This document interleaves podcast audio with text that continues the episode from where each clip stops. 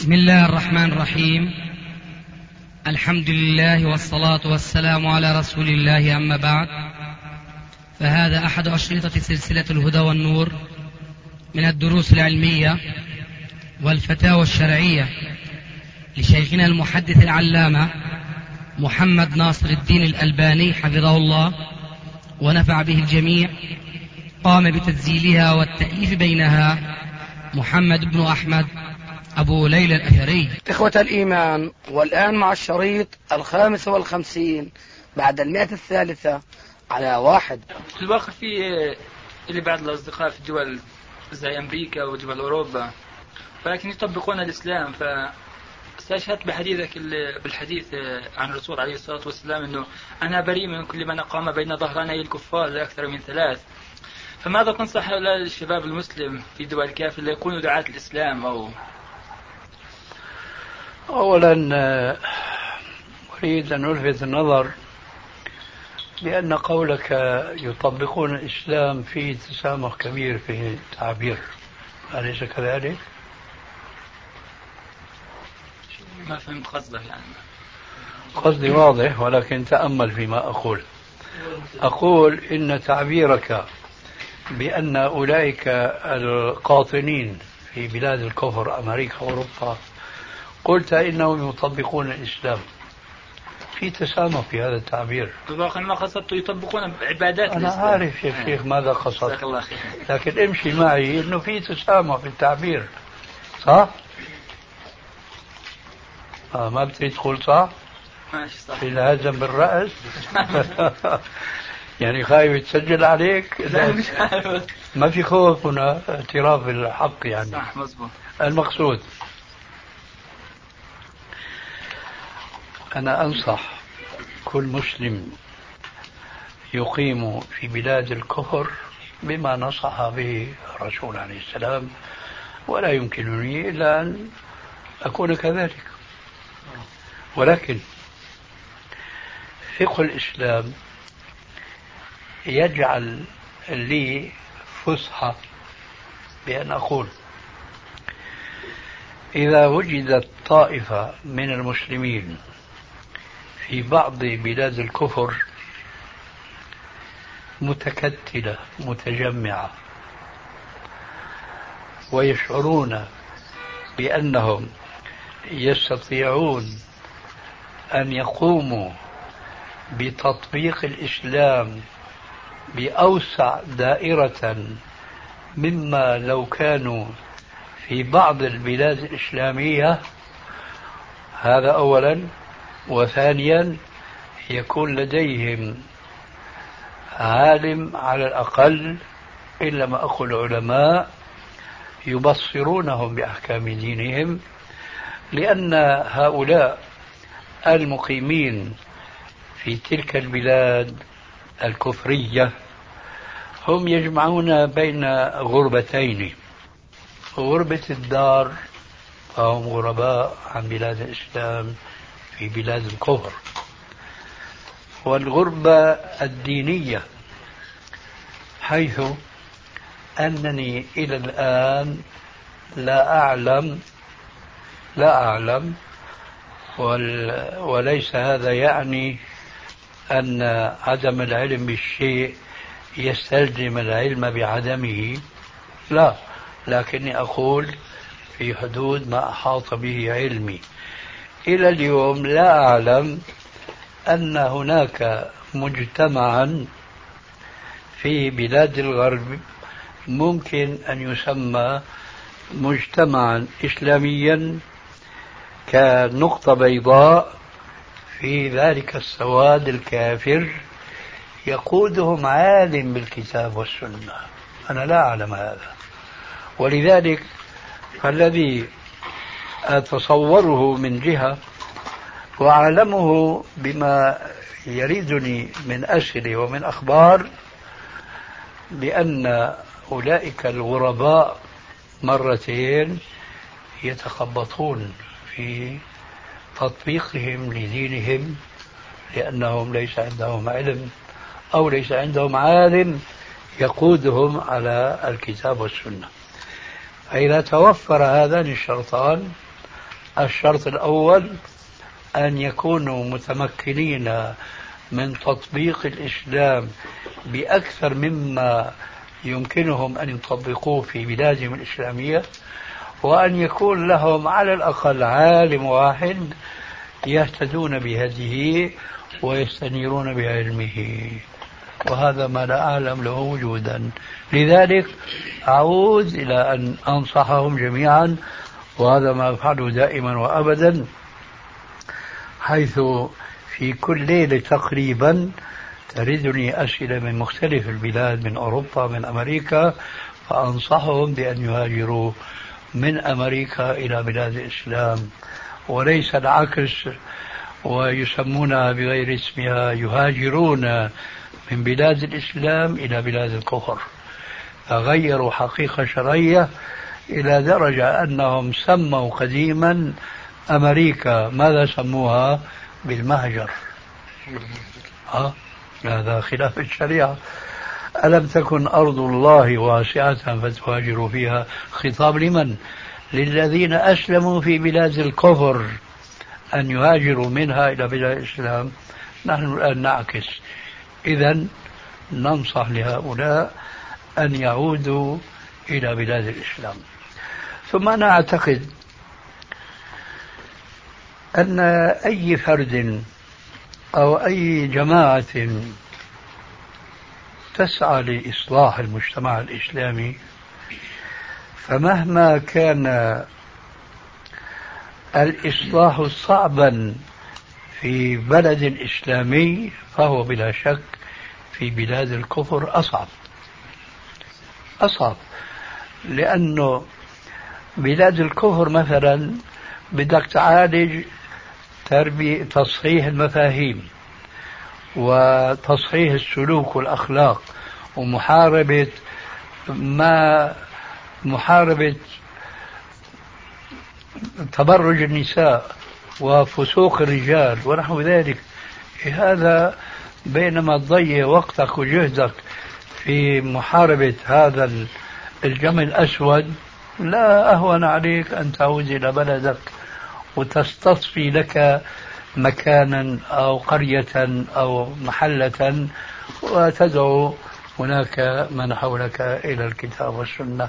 هذا بلا شك أنفع وأسهل من هناك. وهذه نصيحتي والله أعلم. طيب. بجنسيات الكفر الأمريكية مثلا هذا من تمام تولي الكفار. ومن يتولهم منكم فإنه منهم. في بعض الناس تقول أن هذه ضرورة. يعني بعض المهجرين من بلاد الإسلام ما معهم جنسية وما معهم جواز. نعم. فما يجدون ملجأ وما يجدون حيلة إلا أنه يتجنسوا بجنسيات أهل الكفر ويعيشوا في بلاد الإسلام. يعني بصير معه جواز أمريكي مثلا ويعيش بالسعودية والله هذه مسألة كجواب يعني سريع وعلمي. جوابه معروف. الضرورات تبيح المحظورات. لكن هل صحيح؟ هل صحيح أن أي مسلم ما عنده جواز لا يستطيع أن يعيش إلا في بلاد الكفر؟ إن كان صحيحا الضرورات تبيح المحظورات. أما أنا وكما قلنا آنفا أنا لست رجل آه، مطلع على شروط الجوازات والأسباب التي تؤهل الإنسان غريب أن ينال جواز في بلد ما إلى آخره. لذلك أطلق القول فأقول إن صدق هذا القائل بأن هناك ضرورة فأنا أقول الضرورة تبيح المضرورات أما أنا شخصيا لا أقتنع لا أقتنع ولا أوجب على غيري أن لا يقتنع مثلي لا أقتنع أن هناك يعني ضرورة ملحة للمسلم الذي ليس لديه جواز أنه لا يتمكن من أن يعيش في بلد إسلامي إلا في بلاد الكفر. الله أعلم. شيخي والله السؤال الجواب اللي أعطيته قبل شوي سؤال. حكى الاخ حكيت لازم يتوقع شرطين نعم. للوجود برا. الأول أنه يكون ملتزم بدينه ويطبق الديانة الإسلامية والثاني أن يكون بينهم عالم. لا ما قلت بالنسبة للفرد المجتمع المجتمع الجماعه المسلمة المتغربة في بلاد الغرب يكونوا متكتلين متجمعين. لهم شوكة لهم شوكة لهم قوة لهم عصبة. هذا الشرط الأول. مش يكونوا ضايعين في المجتمع الكافر. الشرط الثاني أن يكون هناك عالم يقودهم وإذا لم يوجد عالم كان بينهم من يعلم علم قليل بالدين وإذا آه، واحد صارت في مشكلة وما قدر يعطي دليل من الكتاب أو السنة آه، يرجع إلى الكتب أو كما تفضلت أنه أنت تقريبا يوميا تأتي رجوع إلى الكتب يا أخي ما بهذه المشكلة. راح يرجع لفتاوى قاضي خان مثلا راح يرجع كتاب. البزازية راح يرجع لأي كتاب آخر من كتب المذاهب. أو راح يرجع إذا ارتقى وعلى لكتاب الشوكاني لكتاب سبل السلام إلى آخره. هذا ما يكفي هذا الرجوع. لازم يكون عالم الكتاب والسنة عالم يعني مجتهد. يعني يستطيع يميز الحديث الصحيح من الضعيف القول الصحيح من القول الضعيف الموافق لما كان عليه السلف الصالح والمخالف إلى آخره. أي يجب أن يكون بالمعنى الشرعي عالما وبالمعنى العرفي مجتهدا. هذا سؤال عليه. كلامك لما قلت بلاد الإسلام هناك قول يقوله بعض الناس أن الدار تكون دار إسلام إذا كان الحكم إسلامي أو يطبق شرع الله في هذه الدار. وإذا حتى يعني ولو كان جل أهلها من الكفار والديار ديار كفر إذا كان الحكم فيها لا يحكم فيها بما أنزل الله نعم. ولو كان جل أهلها من الإسلام من المسلمين أيوة. هل هذا القول صحيح؟ لا ليس بصحيح هذا القول إيش معناه؟ ما هو لو ما هو من لوازمه مثلا هذه البلاد أو بلاد سوريا أو غيرها من البلاد الأخرى التي يحكم حكامها مع الأسف كالجزائر بالقوانين الأرضية. هذه أي قسم من البلاد؟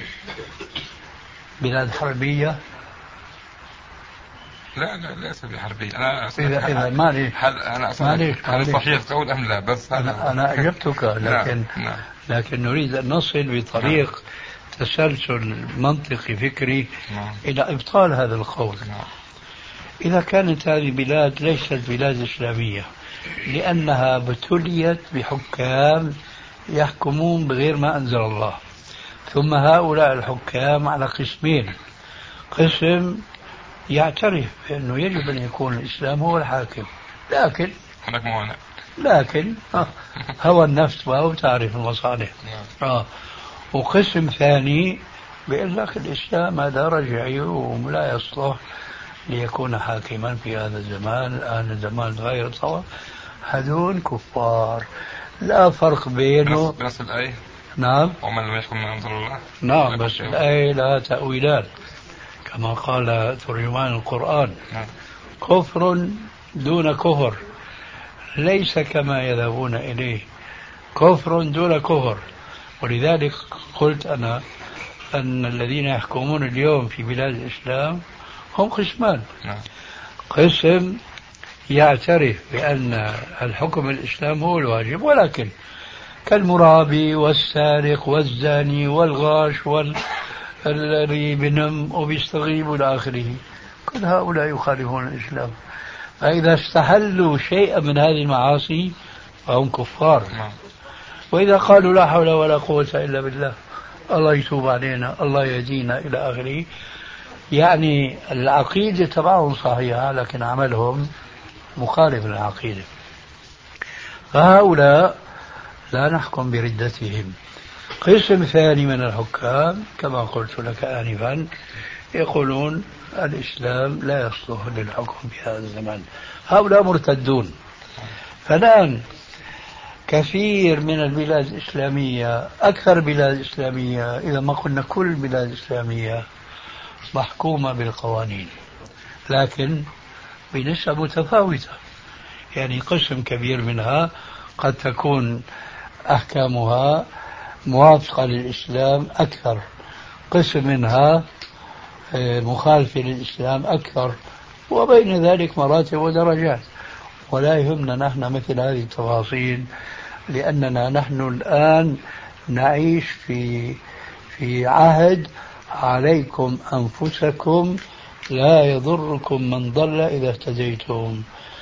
لما بدنا نصير كتلة وبإمكاننا أن نقاتل الحاكم الكافر الإسلام لا يأمر بمقاتلة الحاكم الكافر ابتداء إنما يدعوه كما فعل الرسول عليه السلام بمن؟ بكسرى وقيصر والمقوقس وإلى آخره. الذين يستجيبون الحمد لله. الذين لا يستجيبون هل قاتلهم طفرة؟ ولا تهيأ لذلك تهيأ لذلك. فنحن إذا ابتلينا الآن كما هو أقرب هذا شاهد الجزائر بحكام أوروبيين تقليديين أخذوا نظام فرنسا هل استعمرهم قرن من الزمان وزيادة؟ فهم يحكمون بهذه القوانين. الآن هل نبدأ بمقاتلتهم؟ ونحن ما بدأنا بمقاتلة شهوات أنفسنا وتربيتها على الكتاب والسنة وما تجمعنا وتكتلنا كما شرعنا آنفا. لا الآن وقت عليكم أنفسكم لا يضركم من ضل إذا اهتديتم. فإذا صار عندنا هذه الكتلة كما شرحنا آنفا نقول أيها الحاكم إما أن تحكم بما أنزل الله وإما أن تدع الحكم لمن يحكم بما أنزل الله وإلا فالقتال بيننا وبينك. هكذا الإسلام. مش ثورة مش قضية لعبة. نريق فيها دماء بريئة دون أي فائدة تذكر. ونسأل الله أن يلهمنا العمل بالكتاب والسنة وأن يربينا على ذلك. نسيت حالك؟ لا أنا قاعد بستمع نعم. طيب، في أنه هناك شباب سودانية آه مصروفهم ممنوع يطلع دولارات إلا من البنك عن طريق البنك. يعني مش زينا بيقدروش يطلعوا معاهم دولارات إلا البنك يحول لهم فالبنك بيحول لهم إذا هم بالصيف راحوا على البنك ودفعوا قيمة ال 5000 دولار جنيهات سوداني. ففي عندهم فارق بالسعر بين البنك والسوق السوداء ما يقارب ال 10 ل 12 ضعف. يعني إذا واحد منهم بيكون معاه 500 دولار وبيروح على السودان. ال 500 دولار ببيعها بالسوق السوداء. بتجيب له فلوس بتكفي لتغطية ال 5000 دولار في البنك. آه، وإذا عمل هاي العملية ال 500 دولار بيوفرهم من مصروفه ال 5000 دولار اللي بودي لهم إياه البنك وكل سنة بيعمل هاي العملية. هاي جائزة ولا غير جائزة؟ السوق السوداء مسموح بها هناك في السودان؟ من قبل الدولة؟ آه. لا. مش مسموح. مو جائزة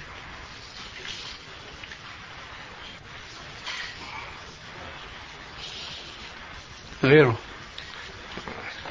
نعم. موضوع التجارة نفسها آه، بحكم عملي بمركز الدعوة أسأل عن بعض الأسئلة لكن أتوقف فيها. من ضمنها آه، يسأل أحد الإخوة أنه يعمل في التجارة. وأحيانا يكون في الباخرة بضاعة وهذه البضاعة تقدر بثمان ملايين درهم. و صاحب البضاعة اللي هو يعني مثلا الأوروبي أو الأجنبي يتحايل على شركة التأمين. فيقول لشركة التأمين آه، بأن البضاعة قد سرقت من الباخرة. ويقتنعون بكلامه ثم تأتي البضاعة إلى دبي مثلا. وتباع بمقدار مليون. وأصل قيمتها قديش؟ ثمنها ثمان ملايين. 8 ملايين. إي نعم. وتباع بمليون. كيف هذا؟ آه، لأنه قبض من شركة التأمين ثمن ملايين ثمن البضاعة. وباعها كذلك بمليون. يعني تسع ملايين أصبح آه، أخذ آه، صاحب البضاعة تسع ملايين. بهذه الطريقة. هل يجوز يعني للتاجر المسلم أن يشتري هذه البضاعة المسروقة تعتبر؟ طبعا الجواب واضح أنه لا يجوز لكن أنا أريد أفهم القصة كواقع نعم كيف البضاعة الضخمة هذه وشركة تأمين نعرف أنه يعني لا تقل آه، فحصها ودقتها في سبيل مصلحتها عن عمل عمل الجواسيس نعم. كيف تقتنع بأنه هذه البضاعة؟ والله هذا السائل يقول هذا. يسألنا السؤال وأنا أنقل لك السؤال. طيب. كما جاء. هل و- هذا جائز أم لا؟ أنا أقول لا يجوز. جزاك الله خير. وإياك. كذلك بالنسبة نفس لذلك سؤال آخر. نفس البضاعة. يعني كذلك هناك بضاعة آه، أصلية وبضاعة مقلدة. يعني آه، ونفس المواصفات تقريبا في البضاعة المقلدة نفس المواصفات موجودة في البضاعة الأصلية. فهل يجوز شراء هذه البضاعة المقلدة على و- أنها أصلية. على أنها أصلية. طبعاً. أو يبين هو نفسه يبين للناس أن هذه ليست أصلية. بهذه الطريقة يجوز ولا أم لا يجوز؟ يعني المن... لا، السؤال هنا لا بالتحديد آه، أخذ الماركة وتقليدها وبيعها في السوق هل جائز هذا أم لا؟ نعم. سؤالك أخي صار ذو شك شك ذو شعب. طيب. آه، اسأل سؤال سؤال. السؤال أول الأول سؤال. هل يعني تقليد البضاعة الأصلية وبيعها بالسوق باسم البضاعة الأصلية؟ طبعا لا يجوز. لا يجوز. كل شيء فيه غش فيه تزوير. نعم. لا يجوز. شراء هذه البضاعة وبيعها للناس. آه. كذلك. إذا بين أنها مزورة أو مقلدة إذا. إذا بين ما في مانع. ما في مانع. أي نعم. البيان البيان يطر الشيطان. ما فيها إعانة على الإثم والعدوان إيش هو؟ إيه، ترويج يعني ببضاعة مزورة لا أنا ما فهمت إنه هي من النوع. المقلد نعم مقلدة هو اشتراها وباعها للناس وقال لهم هذه يعني بضاعة مقلدة وليست الأصلية باسم باسم البضاعة الأصلية. باسم البضاعة الأصلية. يعني مثلا اداداس مثلا بوت اداداس أيوة. في منه اصلي مثلا صناعة ألمانية وفي نعم. منه موجود صناعة كورية. ويباع رخص مثلا. هذا أرخص بكثير. نعم. أي نعم. لكن نقول له هذا مش الأصلي لكن بيحمل ماركه يا شيخنا بس. ما ما معليش بس أي. أفهم نقطة نعم. هل تعتبر هي مقلدة يعني مسروقة؟ مسروق الماركة. في العرف الماركة العالمي الماركة, الماركة نعم. مسروقة. يعني ال- الشركة الأصلية لا تسمح آه. بتقليدنا أي نعم لا تسمح ذلك هذا هذا الذي أنا أي اسال نعم لا تسمح بذلك. لأنه في اسمع شركات مثلا آه، سير- سيارات ونحو ذلك مم. ويكون أصلها يابانية بتصير بعدين أمريكية باتفاق سابق. أما هذه ليست كذلك. لا. طبعا هي نفس الجواب داخله في أنه تعاون على المنكر. نعم. لا يجوز. أنا بدي أمشي بس معلش عندي سؤال آخر بس جزاك الله خير. نعم. أنا يعني أقرأ على المصابين بالجن. حفظك الله. بارك الله فيك. وعندي بعض الأسئلة في هذا الموضوع. نعم. آه، أحيانا عندما أقرأ أدعو الجن إلى الإسلام. ويسلم والحمد لله. ومرات أسأله عن موضع السحر. ليس فقط للمريض وإنما لمريض آخر. هل سؤالي له جائز؟ وأحيانا هو يساعد في إخراج السحر يساعد ويخبرك عن مكان السحر وقد ويساعد كذلك في إخراجه وفك السحر عن هذا المريض بهذه الطريقة. هو نفسه يأخذ السحر ويفكه. ويعود المريض آه، معافى سليم خالي من المرض. هل هذا جائز؟ أنا أعتقد أنك سلفي معنا أليس كذلك؟ نسأل الله أن نكون إن شاء. الله. نعم. فهل لك سلف في ذلك؟ لا أعلم وأنا مثلك لا أعلم فماذا يكون الجواب؟ في العلاج أم في ال- برضه سؤال في العلاج أم في السؤال؟ أنت عن إيش عم تسأل؟ أنا بسأل عن العلاج وعن السؤال وأنا بجيب عن السؤال والعلاج أما في لأنه- العلاج في لا- في في هذا. لأنه العلاج نعم.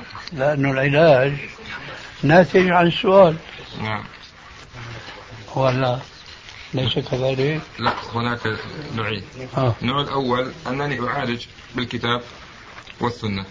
أقرأ المريض بعض الآيات التي وردت يعني قرأ رسول الله مثل الفاتحة آه، مثل آية الكرسي. آه، المعوذات. معليش نحن مو موضوعنا نعم ماشي لا نعم. وبإذن الله يعني يتعافى المريض. إيه. نحن هي نعم. مو هذا موضوعنا. لكن أحيانا يحصل هذا مثلا أغلب مع هذا الجني وما يطلع. فأقرأ على مريض ولا ويكون الجني قد أسلم و... ما في حاجة للإعادة. نعم. ما لك فيه سلف فأنت سلفي. نعم. وما ليس لك فيه سلف فأنت خلفي. المسألة واضحة. نعم. بالله أبو أنس شيخنا من مرة. جاي دوره. والله جاي دوره. يا شيخ طيب آه، يعني ملخص الكلام. لا يجوز؟ لا يجوز طبعا. طيب. هذا استعانة حصل, بالجن. حصل هذا. ماذا هذا ماذا استعانة؟ بالجن. حصل هذا. تب إلى الله. أستغفر الله. أي نعم. طيب. ما بيجوز سؤال الجن إنه هذا مرضه كذا شو علاجه شو كذا. ومحاولته قال إنه بيأسلم شو دراك إنه أسلم؟ بجوز إنه هذه توريطه مشان يجرك إلى قضية أخرى. كما كان تفعل الشياطين مع العرب في الجاهلية حيث ينطقون من أصنامهم فيضلونهم سواء السبيل. لا يجوز التعاون مع عالم الغيب اطلاقا ولا يجوز مناداتهم ولا يجوز الطلب منهم. أما العلاج الله جائز انتهينا. لما ذكرت أن علاجك نوعين سلفي وخلفي فقلنا علاجك السلفي فنعم ما هو. أما علاجك الخلفي فحسبك. طب إذا أخبرك وأنت يعني بدون أن تطلب منه بشيء. ما أسمع منه. لا أسمع منه. نعم إلا أن عرفت أنه صدق فيه قوله عليه السلام وأن لك ذلك صدقك وهو كذوب. نعم. الضرب الضرب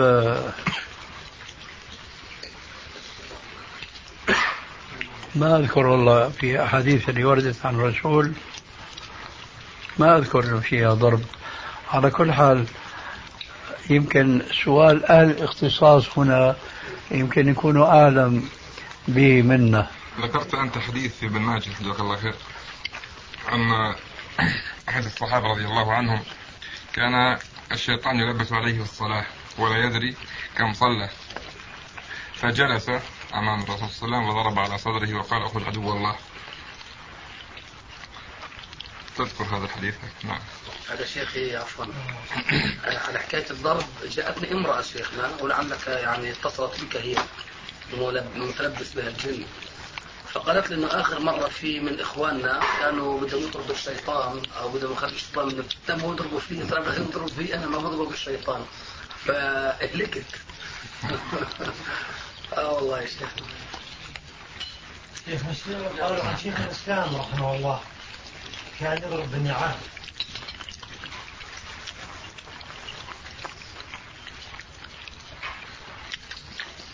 هل قرأت ذلك؟ أنا قرأت. أنا ما قرأت نعم. أنا قرأت ذلك. وين؟ فتاوى نعم. المجلد. الثالث عشر تقريبا كل تقريبا ثلاثة الثالث عشر. موجود. 13 نعم.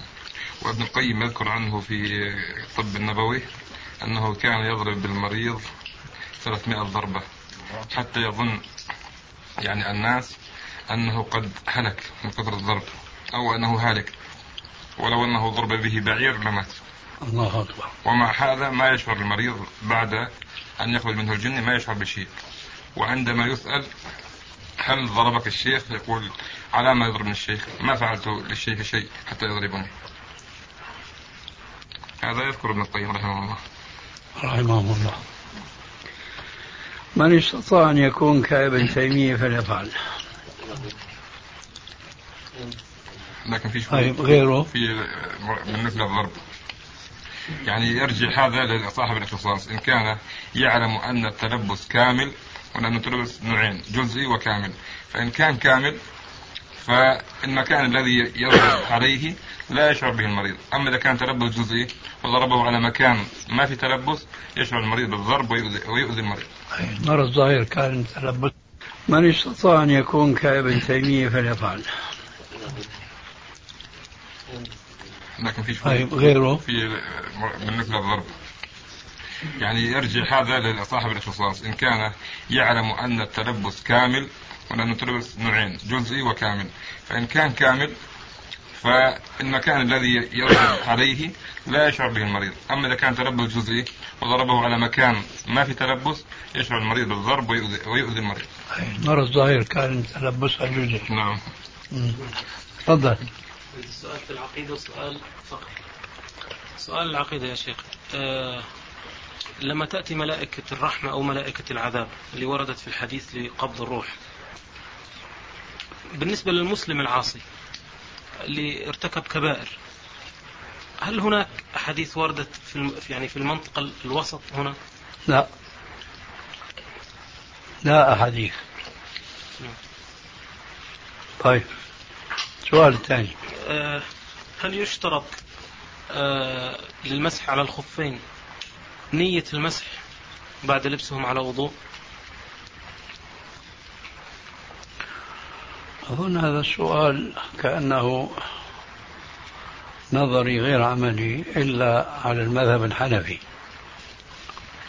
هل يشترط النية في الوضوء فيما تعلم؟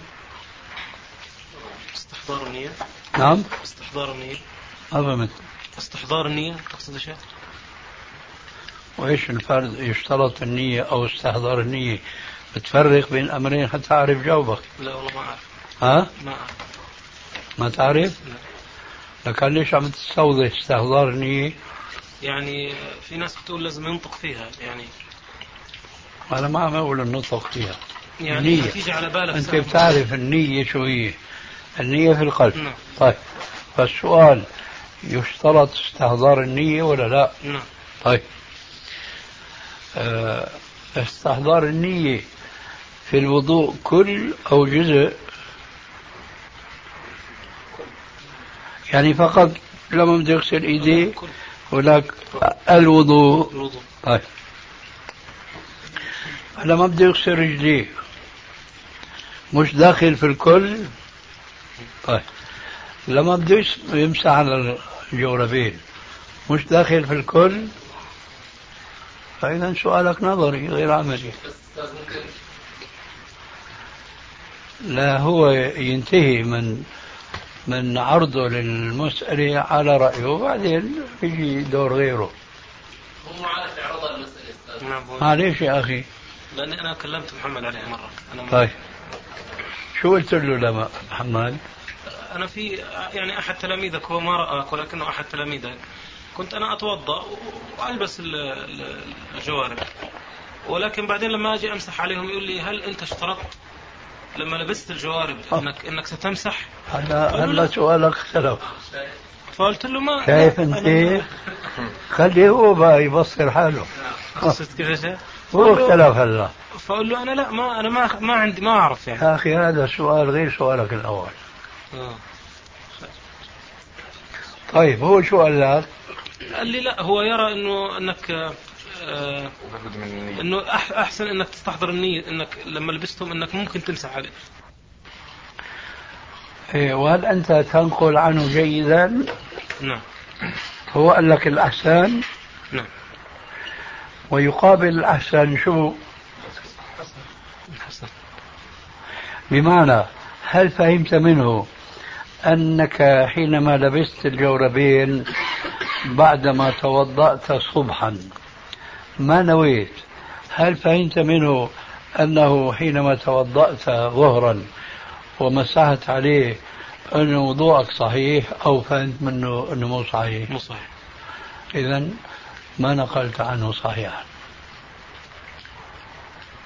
أنت عم تقول خلك الأحسن. معنى الأحسن يعني الأفضل.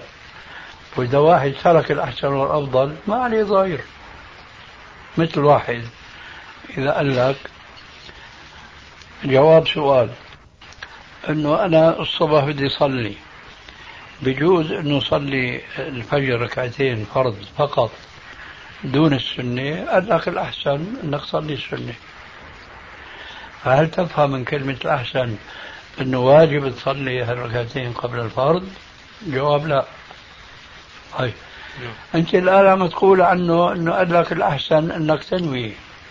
نعم بس ليس بمعنى الأحسن يعني أقصد هو هو لا لا يدقق عليه. يعني في أمريكا يأخذوا يعني يحاولوا إنهم ما يشدوا على الشباب. يعني عرفت كيف؟ يحاولوا يسهلوا. وليس لكن هو باعتقاده إنه الوضوء مش صحيح يعني. لو لو عملت هذا الوضوء غير صحيح. لا هذا يعني هو عمله وفعله يقول إنه هذا غير صحيح. يعني لكن هذا اللي بيقول مو صحيح ما بيقول لك أخي الأحسن كذا.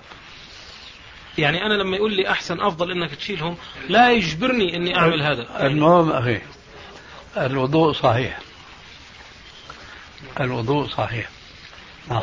إحنا كنا في أمريكا يا شيخ بعدين في معنا ال credit card الحمد لله على السلامة. الله يسلمك. ال credit card أو الفيزا. كيف؟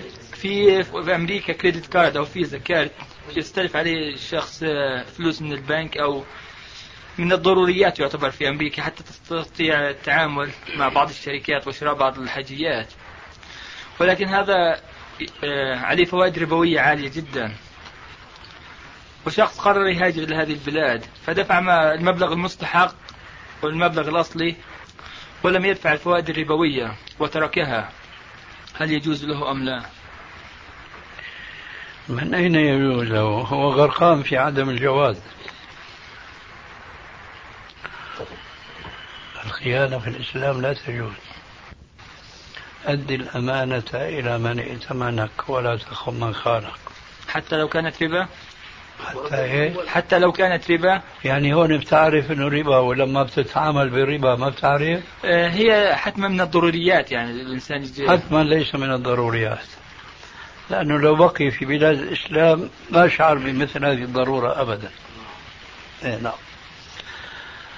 نعم. عفوا يا شيخ هي ليست من الضروريات ممكن إن الواحد يعيش جزاك الله خير. هاي مؤكدا يعني. شاهد شاهد من اهلها وأنا واثق 100% إنه الانسان ممكن أن يعيش هناك من غير ما يحتاج إليها. هذا هو. وممكن أن يعيش ويتصرف من غير إنه يتورط في الربا. أعرف شخص في مدينة تسمى كولورادو آه نسي أن يدفع الفاتورة. هو إذا دفع الفاتورة كاملة لا لا لا يضعون عليه نسبة مئوية من الربا. فنسي آخر يوم. فأرسل الدفعة بالبريد المستعجل ودفع 8 دولارات على البريد. ولو صبر لو تأخر كان دفع دولارين ربا. ولكن لما علمت الشركة سألوه لماذا فعلت هذا يعني؟ لما أنا ديني يحرم الربا. فأنا مستعد أدفع 8 دولارات ثمن البريد ولا أدفع لكم دولارين للربا. رفعوا حسابه. هذه طبعا يعطوه على حسب الحساب. ممكن 500 دولار يستعملها رفعوا حسابه لأمانته إلى 2000 دولار. هذه تعتبر على بعض الشركات والله على كل حال يا أخواننا لا تنسوا قوله تعالى مع الأسف المنسي من جماهير المسلمين ومن يتق الله يجعل له مخرجا ويرزقه من حيث لا يحتسب. هذه واحدة. والأخرى أنصحك وأنصح الجالسين معنا جميعا أن لا يستبدل الذي هو أدنى بالذي هو خير. لأن هذا عمل اليهود كما تعلمون. فلا تقولوا فائدة وفوائد بدل الربا. وهذه لفظة عامة اليوم حتى في البنك الإسلامي مكتوب عليه بنك إسلامي. يسمون الربا فائدة. من الذي يسمي الربا فائدة؟ هم الذين قال الله فيهم قاتلوا الذين لا يؤمنون بالله ولا باليوم الآخر ولا يحرمون ما حرم الله ورسوله ولا يدينون دين الحق من الذين أوتوا الكتاب حتى يعطوا الجزية عن يد وهم صاغرون. الآن أتذكر نكتة. أقول مثل الذين يريدون أن يقيموا الدولة المسلمة بهذه الطرق الملتوية ما بين عشية وضحاها مثل الذين يريدون أن يطبقوا هذه الآية يريدون أن يأخذوا الجزية عن كفار وهم صاغرون هل هذا ممكن؟ هذا ممكن ولكن متى؟ حينما تقوم قائمة الدولة المسلمة ويطمئن لها الحكم ويبدأ هذا الحاكم المسلم يدعو إلى الإسلام حينئذ حينئذ يمكن أن نطالب من حول من دول الكفر أن يعطوا الجزء عن يد وهم صاغرون وكيف هذا؟ وهن في بلادهم على الكفر نرسل مثلا إلى روسيا وأمريكا أنه أنتم كفار وفرنسا وألمانيا والبلاد القريبة إلينا كاليونان مثلا. أنتم كفار لازم تدفعوا الجزية عن يد لا يجب أن تنطلق الدعوة من أرض الإسلام إلى ما يجاورها.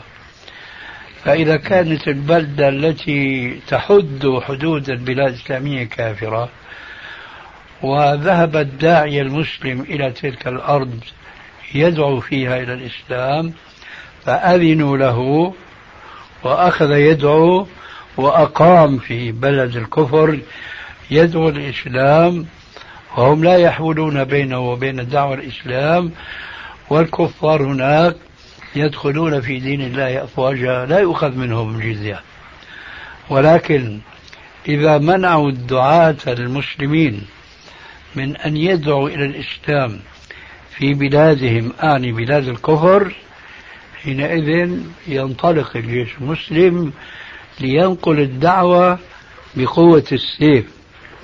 بعد أن منع الكفار الدعوة الإسلامية بالتي هي أحسن.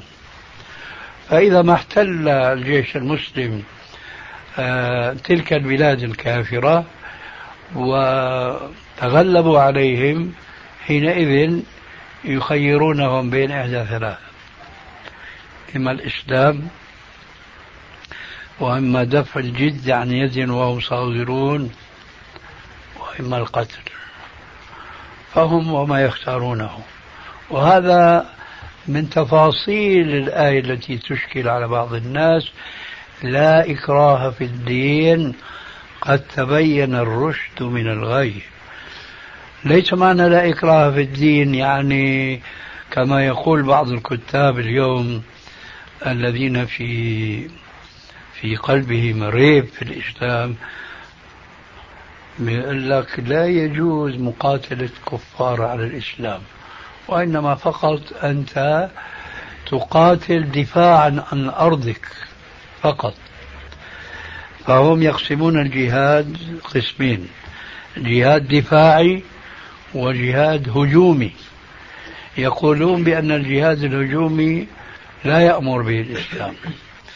ويتجاهلون كل هذه الفتوحات الإسلامية التي لولاها كانت بلدنا هذه لا تزال في أيدي الروم أو الرومان.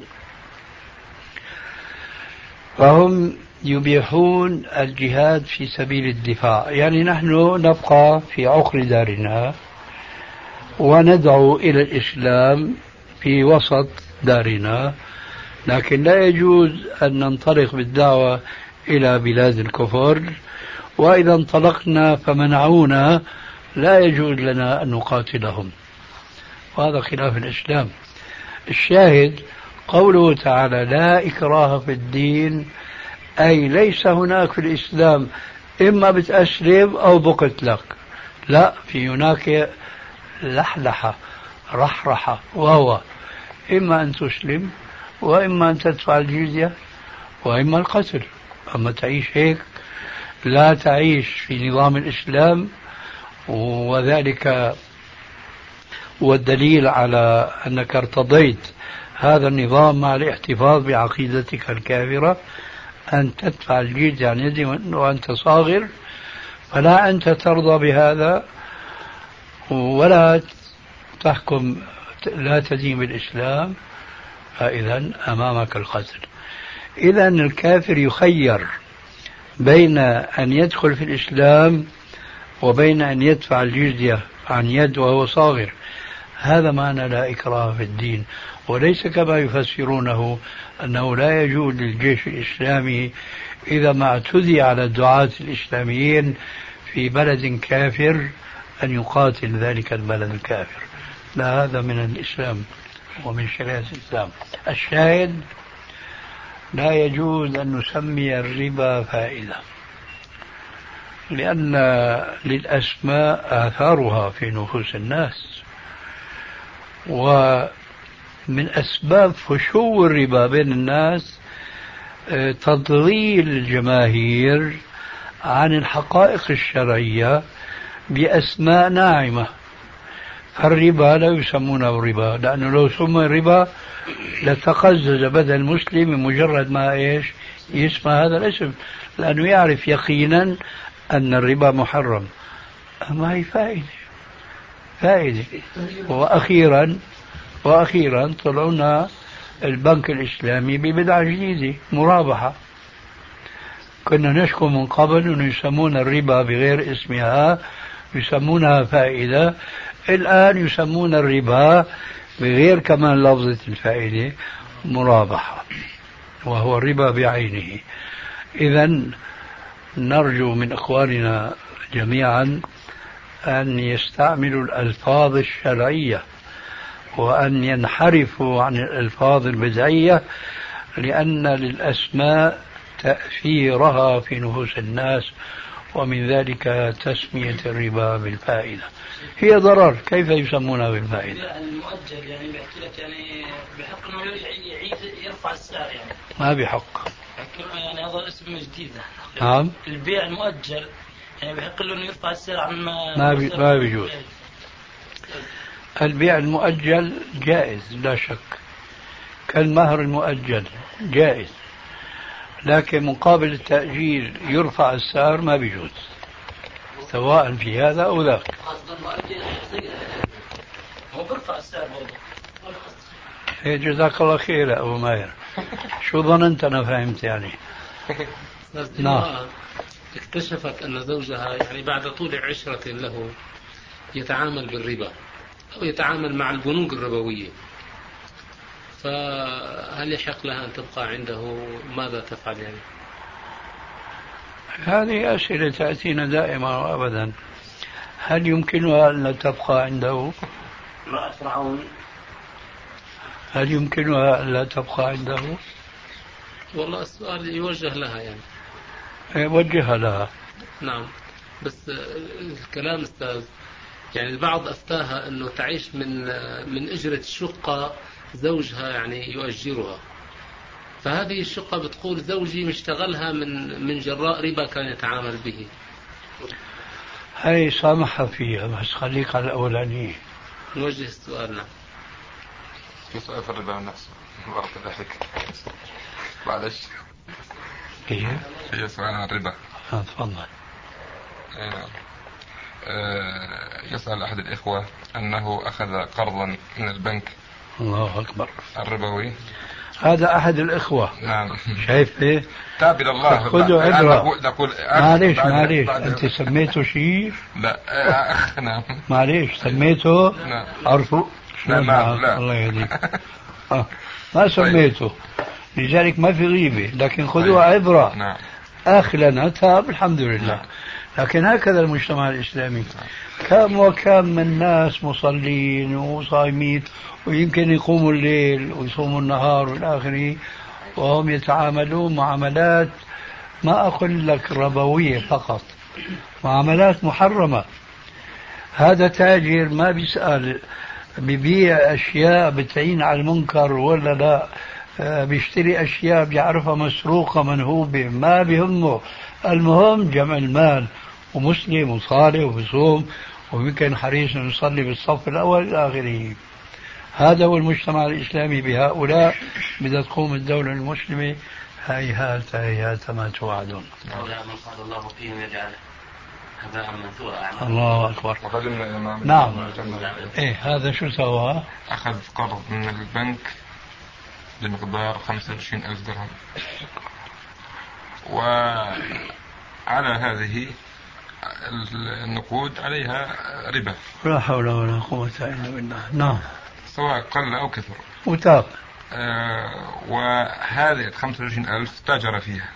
وأصبحت الآن يعني آلاف ملايين. مؤلفة. آلاف مؤلفة. مم. فتاب من من ذلك. فماذا عليه؟ هل آه، لأنه يعني استفتى بعض ال- الناس الذين لا, علم لهم بالكتاب والسنة فقالوا له عليك أن تخرج 25 ألف هذه علما بأنه سدد ال 25 ألف للبنك من راتبه يعني من راتبه الشهري. سددها للبنك مع الفوائد؟ مع الربا. نعم. مع نعم. مع الربا. نعم. مع الربا. فهنا افتاه بعض بعض الناس. أنه آه، يخرج 25 ألف من ماله الذي جمعه آه، من هذه التجارة اللي 25 ألف ويخرج 25 ألف هذه مع الفوائد مع الربا كذلك ويتوب إلى الله توبة نصوحة. هل هذا الكلام صحيح؟ صحيح إلى حد ما. نعم. يعني هذا لابد منه. توبة نعم. يعني الشيئين هذول نعم. لابد منه لكن أنا في اعتقادي لا يكفي. نعم. لماذا؟ نعم. لأنه الحاصل من الخمسة وعشرين ألف ما بني على فاسد فهو فاسد. يعني الكلام يعني الفتوى صحيحة؟ نعم. نعم. أنا بقول نعم. أقول أخي نعم. الفتوى بأمر بالتوبة وإخراج خمسة وعشرين ألف. هذا لابد منه. ما أقول فتوى صحيحة. نعم. بقول فتوى ناقصة. نعم. وبينت السبب لأنه هالخمسة وعشرين ألف اللي هو مال محرم قام عليه كما قلت ألوف إن لم نقل ملايين. نعم. ما بني على فاسد فهو فاسد. فأنا بقول أن هذا الإنسان بالإضافة إلى ما قيل له من الأمرين السابقين ذكرا نعم.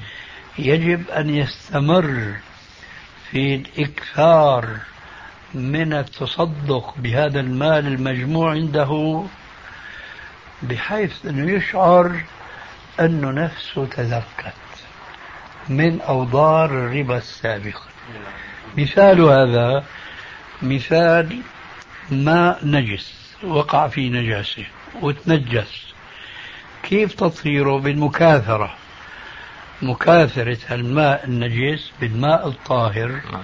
حتى يغلب على الظن أن هذا الماء آه، خرج عن كونه نجسا وليس إلى طاهر فقط بل وطهور مطهر لمن يعطي هذا المال؟